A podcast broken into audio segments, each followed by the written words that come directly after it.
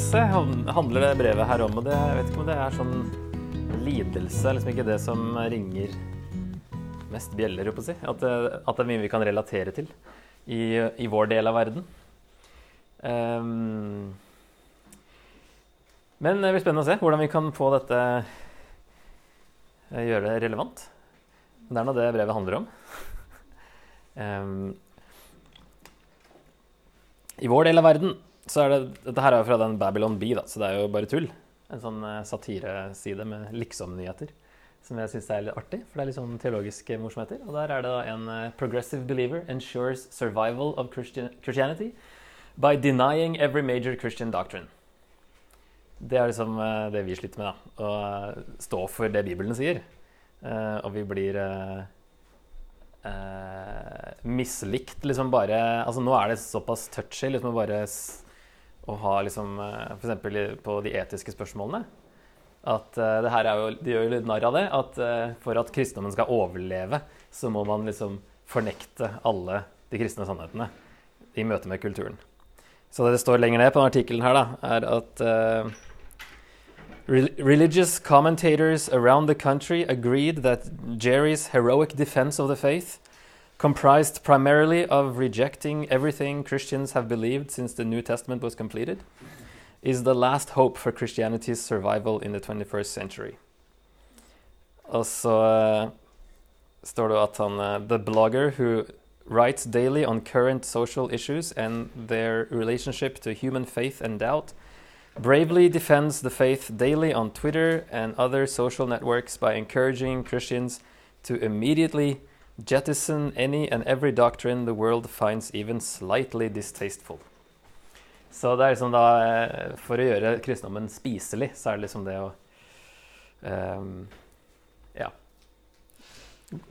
Det er ikke mange som går så langt da, med å fornekte alt, men uh, at uh, vi er litt sånn uh, redd for å stå opp, føler jeg, nå for tida. Vi blir så fort uh, stempla som hva det nå blir, mørkemenn og forskjellige sånne uttrykk.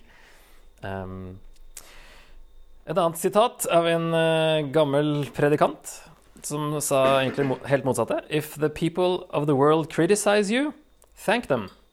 They're telling you, in other words, that you belong to him. Og det er noe Jesus sa i uh, Johannes 15, at um, Skal bare lese de versene nå til å starte med. 15, 18 til 21. Om verden hater dere, skal dere vite at den har hatet meg først. Hadde dere vært av verden, hadde verden elsket sitt eget, men dere er ikke av verden. Jeg har jo utvalgt dere fra verden, og derfor hater verden dere. Husk hva jeg sa til dere.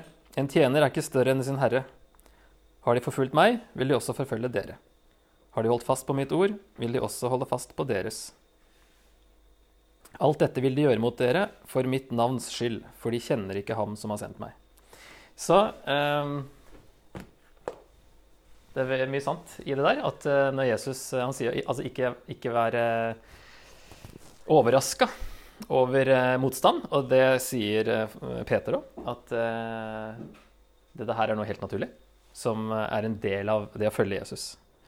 Som da i våre liv blir litt annerledes kanskje enn det det var i Nytestamentet, da.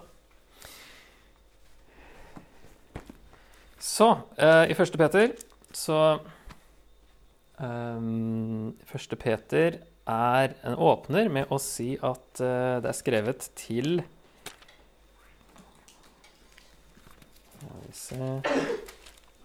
Peter, Jesu Kristi apostel, hilser de utvalgte som lever som fremmede spredt omkring i Pontus, Galatia, Kappadokia, Asia og Bitynia. Er det noen som vet hvor det blir i dag?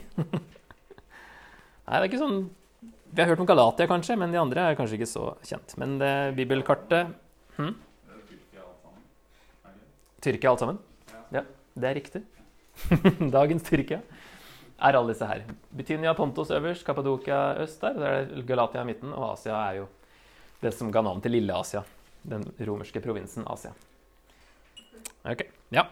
Så eh, dette er eh, kristne, da, i eh, dagens Tyrkia. Eh, så det er et ganske generelt brev som er skrevet til da egentlig alle de. Eh, og noen vers eh, viser at de er hovedsakelig hedninger. Du kan lese f.eks. 1.14. Som lydige barn skal dere ikke lenger la dere lede av de lystne dere fulgte den gang dere levde i uvitenhet. Og det er litt sånn, Man sier ikke det om, om en jøde, for de har jo, de har jo kjent Gud hele tida. Og de som var i uvitenhet, det var hedningene. Og det er noen slaver der, i hvert fall. Eh, og kanskje ikke så mange slaveeiere, siden de ikke nevnes. Paulus pleier jo å henvende seg til begge to, både slaver og slaveeiere. Mens Peter bare henvender seg til slaver. Så kanskje de var litt lavere status. Og det de går gjennom, det er prøvelser, lidelser, baktaling og spotting. Og eh, han sier jo at alle Hvilket vers var det igjen, da? Uh, ja, 5-9. Dere vet jo at deres søsken rundt om i verden må gjennomgå de samme lidelsene. Så dette er noe sånn generelt for alle. At uh, vi møter prøvelser, lidelser i en eller annen form pga. Jesus, og at det er helt naturlig. Og baktaling og spotting det er jo noe som vi sikkert har opplevd i uh, våre situasjoner også. Så det er eh, vanlig å datere det til eh, år 64. Eh, kanskje i starten av den herre eh, forfølgelsen som Nero eh, begynte med da i Roma, der eh, Peter sannsynligvis sitter og skriver. Så kanskje han begynner å kjenne at nå, nå blir det ekstra motstand her. Og at han skriver det brevet det er ikke samme situasjon for leserne hans, da, men, eh, men, eh, det er mulig at det da trappes opp litt for Peter, og at han vil oppmuntre andre òg. Men så er det jo en generell ting som skjer over hele verden, som han sier.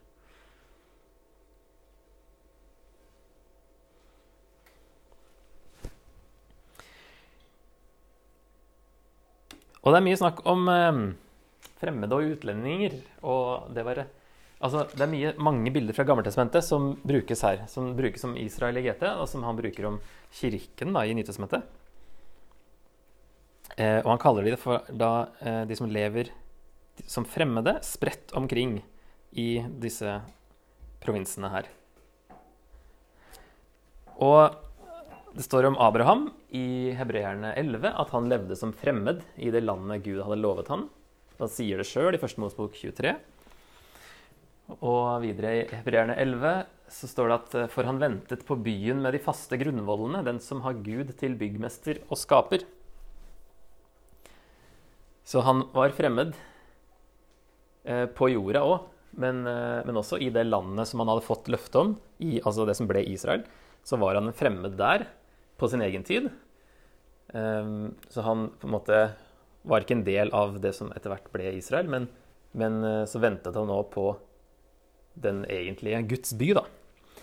Eh, og videre også står det at eh, i denne troen døde alle disse, det er mange som nevnes da, som hadde tro, som hadde troshelter i GT, uten å ha fått det som var lovet. De bare så det langt borte og hilste det, og de bekjente at de var fremmede og hjemløse på jorden. Når de taler slik, viser de klart at de lengter etter et fedreland. Hvis de hadde tenkt på det landet de dro ut fra, hadde de hatt tid til å vende tilbake. Men nå er det, nå er det et bedre land de lengter etter det himmelske. Derfor skammer ikke Gud seg over dem, men vil kalles deres Gud, for han har gjort i stand en by til dem. Så det er jo det her med som egentlig um, er jo et tema som er ganske generelt å gå gjennom hele Bibelen, men spesielt så er det Abraham uh, allerede, da, som var en sånn fremmed.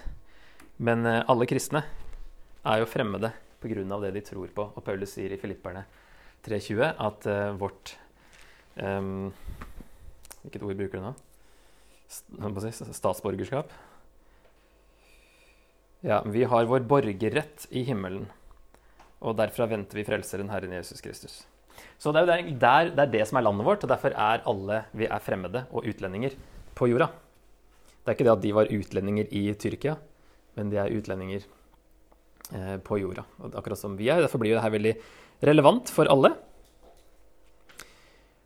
Og det er veldig mye som sagt, koblinger mellom Gamle og Nytestamentet. Eh, som ja, Peter vil forklare at eh, kirken er Guds folk i Nytestamentet, og at eh, eh, samme situasjonen egentlig eh, Og at han bruker mange bilder som ble brukt i GT. Vi får se på noen av de.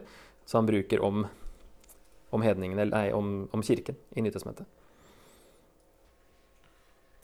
Ja, så i vers to så sier han eh, Det er fortsatt i denne åpningen.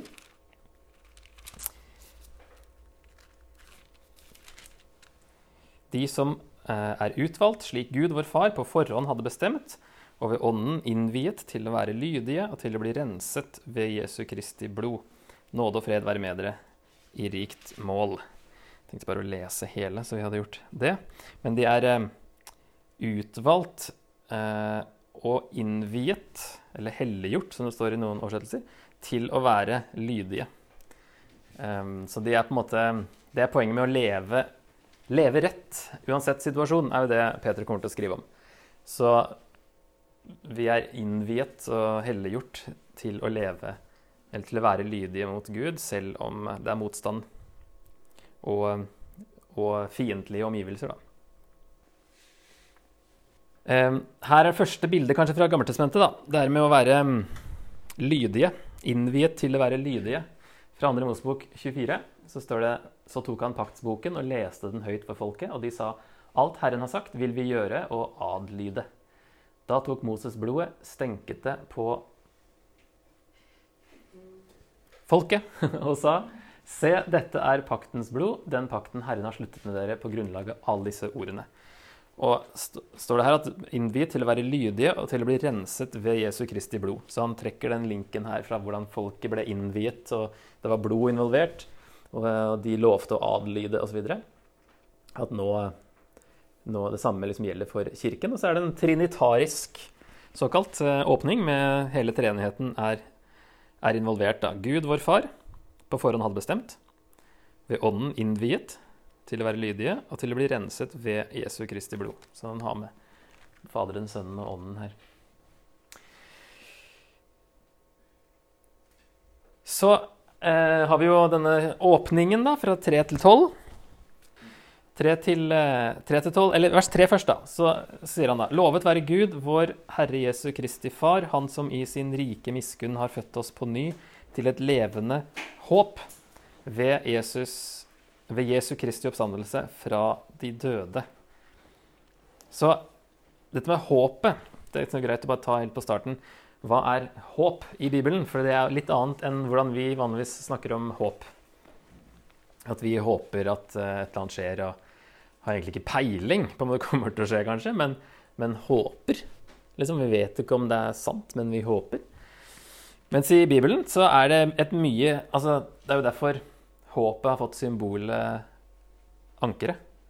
Fordi det er noe trygt, og noe som er en redning, på en måte. Da. Så man eh, kan heller definere det som den glade og trygge forventningen om evig frelse. At det er et løfte vi har fått. Det er det som er vårt håp. Det er det vi håper på. Så hver gang Bibelen, i hvert fall Peter og Paulus, når de snakker om håp, så er det eh, frelsen, og det er mye sikrere, et mye sikrere håp enn det vi vanligvis ville snakke om, kanskje. Så jeg lurer på om det er fra hebreerne 6.19 her, at eh, fra sies det jo anker. At uh, symbolet kommer fra. Dette håpet er et trygt og fast anker for sjelen. Så eh, det er greit å få på plass, for det er ganske sentralt her, ettersom jeg hadde undertittelen 'Håp i lidelse'. Det handler om det håpet, og at det er da noe, noe som er noe som vi kan Eh, bygge livene våre på, egentlig, og ha forventning til at det skjer. Så hvis vi ser på denne åpningen, så sier han at eh, i vers 3 da, at eh, han som i sin rike miskunn har født oss på ny til et levende håp ved Jesu Kristi oppstandelse fra de døde. Det er oppstandelsen som, gjør, som, som gir oss dette håpet. Håpet er mulig fordi Jesus sto opp igjen fra de døde. Og de, første, de fleste jødene trodde jo på at alle skulle stå opp igjen eh, på, på, slutten av eh, historien. Eh, de dødes oppstandelse. Da skulle hele Guds folk liksom stå opp igjen eh, kroppslig. Og det ville være begynnelsen på den kommende verden. Den messianske tidsalder. Eh, og det vil jo skje med alle samtidig på slutten. Men så skjer det plutselig med én person, Jesus, eh, før tida, sånn sett. Eh, I hvert fall på et annet tidspunkt, tidligere, eller midt i historien. Og når Jesus da sto opp igjen fysisk, det er veldig viktig Paulus sier at alt henger jo på det, at Jesus sto opp igjen fysisk, kroppslig, i 1. Korinter 15. Så det betydde jo det at den kommende verden hadde på en måte starta allerede eh, ved at Jesus sto opp. Selv om eh, alle skal stå opp i framtida, så har det liksom begynt allerede. Jesus er så Paulus, eller hvor den, Jeg tror det er Paulus som kaller det for at Jesus er den uh, første grøden, er det han sier, av de som står opp. Så han er den første som, som, gjorde det. Altså, Vi har jo Lasarus og sånn som ble vekka til live, men han døde jo igjen. Mens, men Jesus sto opp igjen og fikk også den nye himmelske kroppen som uh, vi òg skal få. Um, så det er jo det som er håpet vårt. At siden Jesus har stått opp, Fint at det var påske for ikke så lenge siden, for det her passer veldig bra. Så har vi det håpet om at vi òg skal stå opp. Og vi har det Jesus eh, gjorde, at han sto opp igjen, det eh, er det vi bygger livet våre på. Derfor er det ikke så rart at Paulus sier at det her er det viktigste i kristendommen. Så hvis Det pleier å svare på sånne grillen kristen. Jeg har fått spørsmålet et par ganger. Hva, hva vil få deg til å endre mening? Si, slutte å tro? Så pleier jeg å si at ja, hvis det på en eller annen måte kan bevises at Jesus ikke sto opp fra de døde. Det er veldig vanskelig å bevise, for så vidt. Men det må jo være det som eh, Det ville i hvert fall få meg til å, til å endre mening hvis det er et bevis på at eh, han ikke gjorde det. Paulus sier det er jo blant de ynkeligste av alle mennesker hvis han ikke har gjort det, faktisk. Så det er veldig sentralt, og det er det Peter sier her er eh, håpet vårt. Og så han sier jo videre at eh, han har født oss på ny til et levende håp, til en arv som aldri forgår, aldri skitnes til og aldri visner. Den er gjemt i himmelen for dere, dere som i Guds kraft blir bevart ved tro, så dere når fram til frelsen. Den ligger alt ferdig til å bli åpenbart ved tidens ende. Så i motsetning til en eh, jordisk arv som er forgjengelig, så er det her en, en arv som aldri forgår og aldri skitnes til, aldri visner. Og Gud bevarer dem så de når fram til frelsen, sier han, i disse prøvelsene som de, som de står i.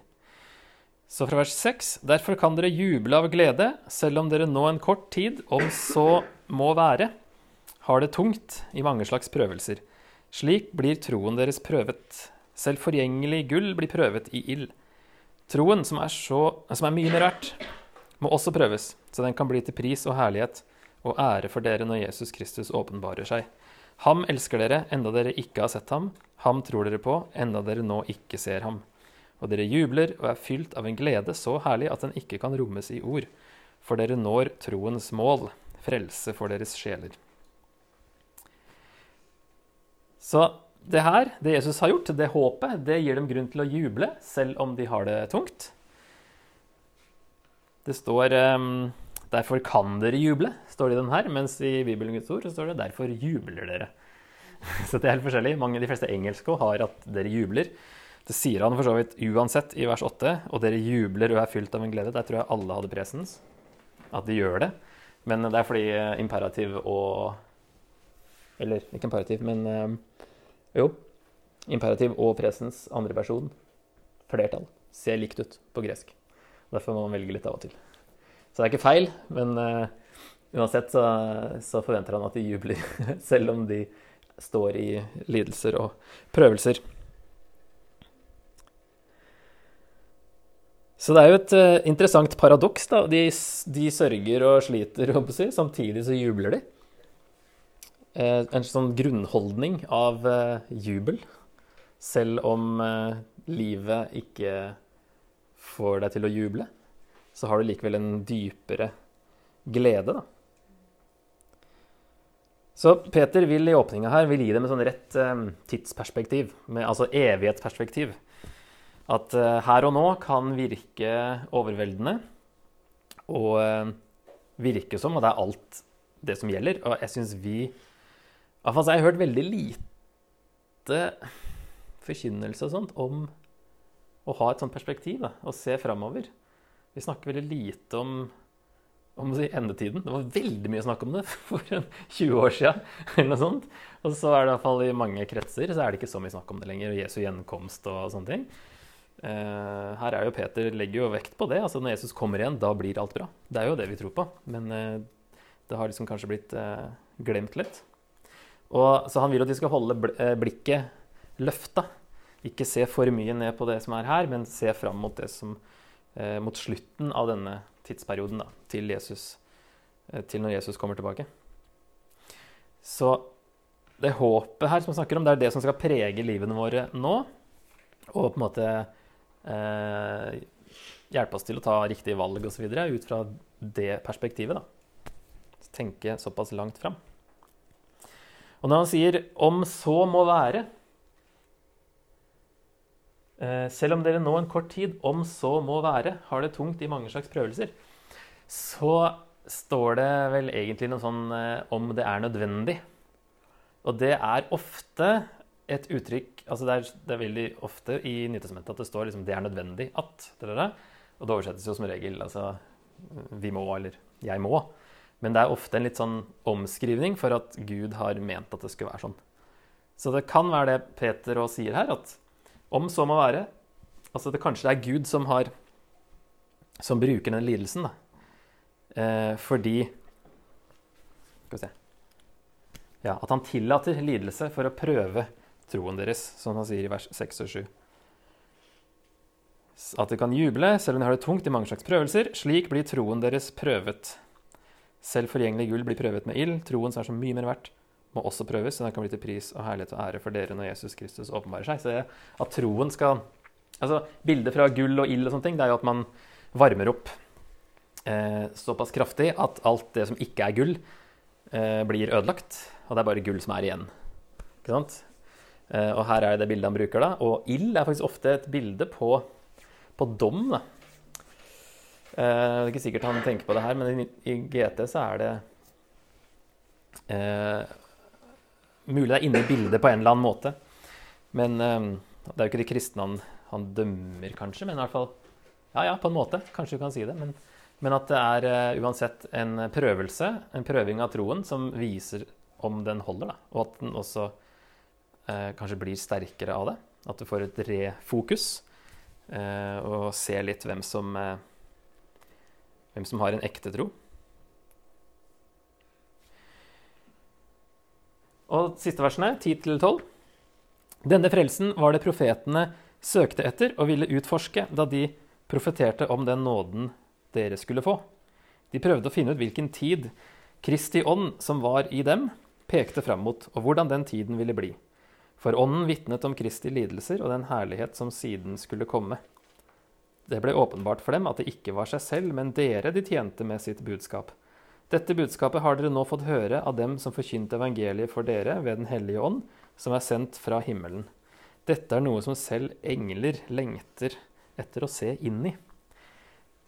Så denne tiden her, selv om det er lidelser, så er det oppfyllelsen av alt det profetene i Gammeltestamentet snakka om. Det er selve målet på historien. Og at sier at dere er privilegert som får være med på det her. At uh, engler og profeter Som står i The Message, tror jeg det står uh, uh, Det ville gitt hva som helst for å være med på det her. Og det får dere oppleve, selv om det er en periode med lidelse, da. skal vi se Da Ja, fordi profetene, de dette er jo sånn eh, typisk bilde på hvordan profetene så, så framover. At de, eh, de, så Messias som én hendelse, så, sånn, sånn, som to fjell som er bak hverandre. Så ser du liksom ikke hvor, at det er noe imellom, kanskje. En dal imellom. Så de, ser, de beskriver ofte Messias eh, og at han skal komme og at alt skal bli bra, og sånne ting, som én hendelse. Og så kommer jo Jesus, og så er det litt overraskelse at han drar igjen og skal komme tilbake igjen. Eh, så du har en, en tidsperiode da, som er denne tidsalder, der det skjer lidelse. Eh, så det er det profetene da har snakket om at frelsen skal komme. Som er liksom denne oppfyllelsen er hele den perioden her, da. Som eh, har jo blitt strukket ut. Men eh, det blir fire aspekter av lidelse i løpet av det brevet her. Så det første er at Gud tillater lidelse for å prøve, rense og styrke troen vår, så den holder til enden.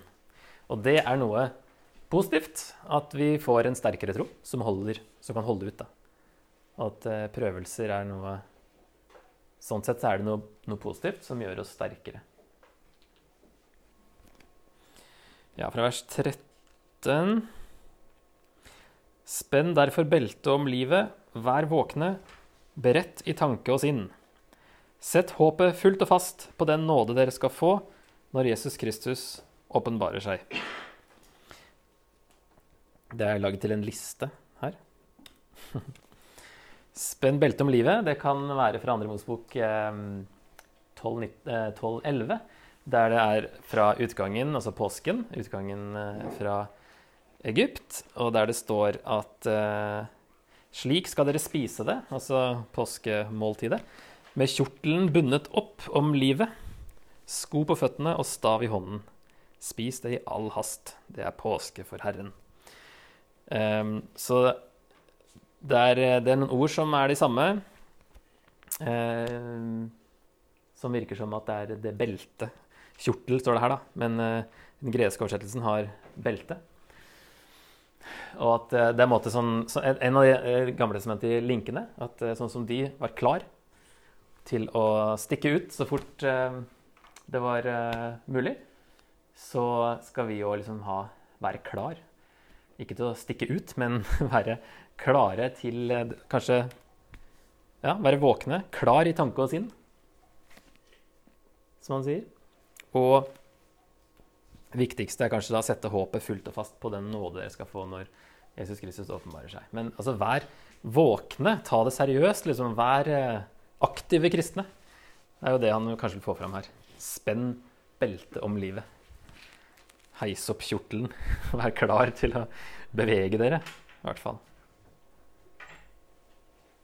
Så det er utgang fra Egypt er et bilde som nok ligger kanskje i bakgrunnen utover i brevet òg, og som er jo et veldig viktig bilde i resten av Nytestamentet òg, siden Jesus er liksom oppfyllelsen av den frelsen. Det var en fysisk utgang, og så kommer Jesus og blir eh, den som kommer med en, eh, en, åndelig utgang fra et annet type slaveri, der vi òg blir Guds folk, sånn som de òg ble tatt ut av Egypt til å bli Guds folk. Så kommer Jesus og frelser av, fra syndens slaveri da, og gjør oss til sitt folk.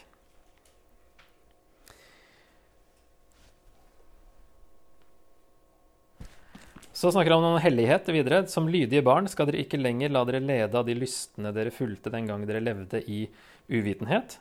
Han som kalte dere, er hellig. Slik skal også dere være hellige i all deres ferd, for det står skrevet:" Dere skal være hellige, for jeg er hellig. Det er eh, hovedverset fra tredje Mosebok som egentlig oppsummerer hele den boka. Hvordan Gud gir dem den boka for å vise hvordan eh, de kan eh, ha en relasjon med han. Og han er hellig. Det betyr jo adskilt, egentlig, fra verden. Så må folket òg eh, adskilles fra verden, eh, være annerledes enn folkene rundt. Og det er jo akkurat det han snakker om utover brevet her òg, at vi er kalt fortsatt til å være adskilt fra verden og folkeslagene rundt oss, si, folkene rundt oss. Å være som Gud, å leve på en annen, annerledes måte. Så når vi, sånn som det sitatet i starten, når vi blir uglesett eh, og å si ja, får møte motgang, da, i, uh, i, samfunnet eller hvor det nå er, så, så, er det på en måte at ja, vi gjør i hvert fall noe riktig. på en måte. For det er uh, Når vi føler oss annerledes, så er det litt av poenget. For vi skal være annerledes. Vi skal være adskilt. Det er sånn som når Paulus kan sette opp i kolonner at hedningene lever sånn og sånn og sånn. og sånn. Dere må leve sånn og sånn og sånn. og sånn. Det er veldig kategoriske listene. Så er det jo, forventer jo at de kristne skal leve på en helt annen måte enn samfunnet. Nå var jo samfunnet ganske hedensk, si, antibibelsk den gangen. Vi har jo etter hvert en, eh, det er en kristen kulturarv eh, som nå begynner å sprekke litt. Så sånn sett er det brevet her ekstra relevant, for det her var på begynnelsen si, av at det ble en kristen kulturarv. Og nå er vi på slutten, sånn at eh, vi lever på en måte i litt lignende situasjon igjen. da. Men vi har et mer sånn bibelsk samfunn, kanskje, som vil være enig i mer ting enn det det romerske samfunnet ville. Men likevel så er det mange, mange likheter, da. Um, jeg tenkte Snart skal dere få diskutere litt, men jeg tenkte en, kanskje én slide til her. Eh, fra kapittel 2, vers eh, 4 til 8. Så sier han Kom til ham, den levende steinen, som ble vraket av mennesker, men er utvalgt og dyrebar for Gud.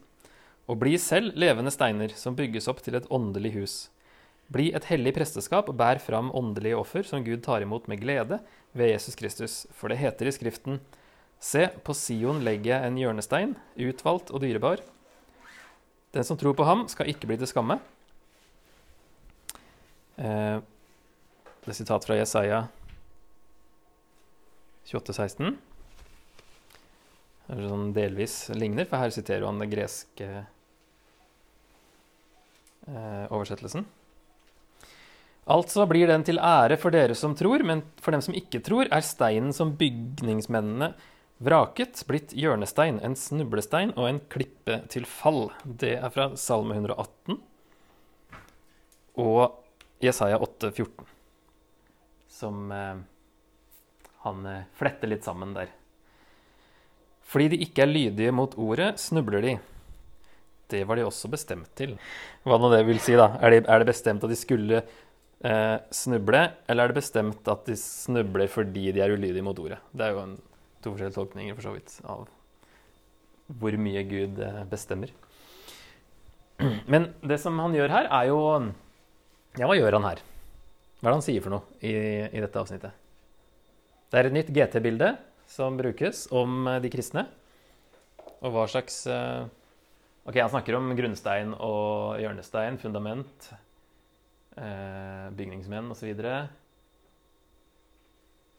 Men det han sier i, i brevet her, så sier han altså Kom til ham, den levende steinen som ble vraket av mennesker, men er utvalgt og dyrebar for Gud, og bli selv levende steiner som bygges opp til et åndelig hus bli et hellig presteskap og bær fram åndelige offer, som Gud tar imot med glede ved Jesus Kristus. Så det han sier, er jo at eh, det er jo de kristne som er det nye tempelet, det åndelige tempelet, som er bygget på Jesus. Jesus er den hjørnesteinen. De er Guds bolig nå.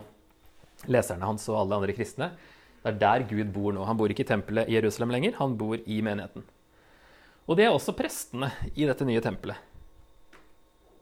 Bli et hellig presteskap og bær fram åndelige offer. Og Så sier han også lenger ned i vers 9.: Dere er en utvalgt slekt, et kongelig presteskap, et hellig folk, et folk som Gud har vunnet, for at dere skal forkynne Hans storverk, Han som kalte dere fra mørket og inn i sitt underfulle lys. Dere som før ikke var et folk, er nå Guds folk. Dere som før ikke fant barmhjertighet, har nå funnet barmhjertighet. Så han bruker jo eh, det her er jo titler på Israel. Kongelig presteskap og utvalgt slekt og hellige folk og, og, sånne ting fra andre Mosebok. Som han eh, bruker om eh, de kristne her. Og sier at nå, nå, bor Gud i dere. Dere er Guds folk. Um, og at dette alle er en, en bygning, eller en stein. Levende steiner som bygges opp til et åndelig hus. Andre Mosebok 19 står det da. Hvis dere adlyder min røst og holder min pakt, skal dere være min dyrebare eiendom framfor alle andre folk, for hele jorden er min. Dere skal være et kongerike av prester og et hellig folk for meg, er det da Gud sier til Israel. Og i 5. Mosebok 14,2.: Blant alle jordens folk har Herren utvalgt deg til å være hans folk, hans dyrebare eiendom. sier jo deg om hele Israel der, da. Og så sier Peter at kirken er en utvalgt slekt dere er en utvalgt slekt, så han bruker utvalgt. Eh, kirken er et kongelig presteskap. Et kongerike av prester. Et uh, hellig folk. Det sto i første sitatet der. Og et folk som Gud har vunnet, står det i den her, mens Bibelen Guds ord har et eiendomsfolk. Så det er en tydeligere link til uh, ordet eiendom der oppe. Og at kirken, altså troende jøder og troende hedninger, er Guds folk. Det er jo det han prøver å si med alle disse her. Ved å bruke de titlene som var liksom eh, forbeholdt Israel, bruker han om kirken. Så de er fortsettelsen. Det er som samme folket som nå har blitt utvida til å, at også hedninger kan få være med når de tror på Jesus. Men likevel så er det en fortsettelse fra, fra GT. Eh, og derfor lager han alle disse linkene. At det er samme, måte, ja, samme folket sin historie som, som, fortsetter. Og de er fortsatt utlendinger og fremmede og hører egentlig ikke hjemme på jorda, men har et mål i vente. Det jeg tenkte dere kunne få snakke litt om nå, er For videre nå så begynner han å snakke om eh, hvordan leve som gutt folk i samfunnet. Nå har han liksom tatt en sånn peptalk i starten. Fått liksom eh, identiteten på plass. Og så liksom OK, hva nå med de utafor, som ikke er så eh, positivt innstilt? Så er det først en eh, generell introduksjon. Eh, og så er det forholdet til myndighetene. Og så er det til slavene, da, hvordan de skal forholde seg til sine herrer. Og så er det noe som er kalt for en utvidet teologisk motivasjon. Der det kommer eh, motivasjon fra Jesus og hans liv. Og så er det ekteskapet med kvinner spesielt, eh, konene, som skal underordne seg sine menn og sånn. Vi ser litt på det. Eh, og så en generell oppfordring til alle kristne til slutt. Så eh, hvis dere kan se på de to første, altså vers 11 til 17 Skal vi lese det, og så kan dere få uh, snakke litt om det. Jeg formaner dere, mine kjære, som er fremmede og utlendinger. Sky lystne som kommer fra deres kjøtt og blod, og som fører krig mot sjelen. Lev rett blant hedningene, så de som baktaler dere og kaller dere onde mennesker, kan se deres gode gjerninger og prise Gud den dagen han kommer. Dere skal for Herrens skyld underordne dere enhver myndighet blant menneskene, enten det er keiseren, den øverste, eller landshøvdingene som han har utsendt. De skal, eh, de skal straffe dem som gjør det onde, og rose dem som gjør det gode. For det er Guds vilje at dere ved å gjøre det gode skal stoppe munnen på uforstandige og tankeløse mennesker. Dere er frie, Bruk bare ikke friheten som påskudd til å gjøre det onde, men til å tjene Gud. Vis alle ære, elsk søskenfellesskapet, frykt Gud, gi keiseren ære. Hva sier Peter her om hvordan hans lesere og vi skal leve i verden? Altså, Vi kommer alltid til å møte motstand, men han sier jo at en, eh, en reaksjon fra oss bør være at vi lever rett og til og med så langt at gi keiseren ære. Som hvis det her er skrevet i år 64, så er det keiser Nero. Rett idet han begynner å forfølge de kristne og er helt gæren. Likevel sier Peter, som da hvis han faktisk er i Roma og begynner å kjenne denne forfølgelsen fra Nero, sier han likevel gi keiseren ære. Fordi poenget er at ved å gjøre det gode, ved å, ved å faktisk gi keiseren ære likevel, så vil det være med å stoppe munnen på de andre og gi Altså ha en misjonerende effekt, da. Det er jo det egentlig brevet går ut på. Hverdagsevangelisering i en fiendtlig verden. Det er veldig relevant for, for alle. Og så sier han eh, altså lev rett blant hedningene, så de som baktaler dere og kaller dere onde mennesker, kan se deres gode gjerninger og prise Gud den dagen han kommer. Hvilken dag er det Gud kommer? Ja, det er det ingen som vet. Det er riktig. Men jeg tror han tenker på når Jesus kommer tilbake, så kommer disse hedningene I hvert fall så er målet at de skal prise Gud når han kommer. Det vil jo si at målet er at de skal komme til tro og prise Gud når han kommer, gjennom at vi gjør det gode. Ikke sant? Og lever som gode borgere av eh, det landet vi lever i respekterer myndighetene osv.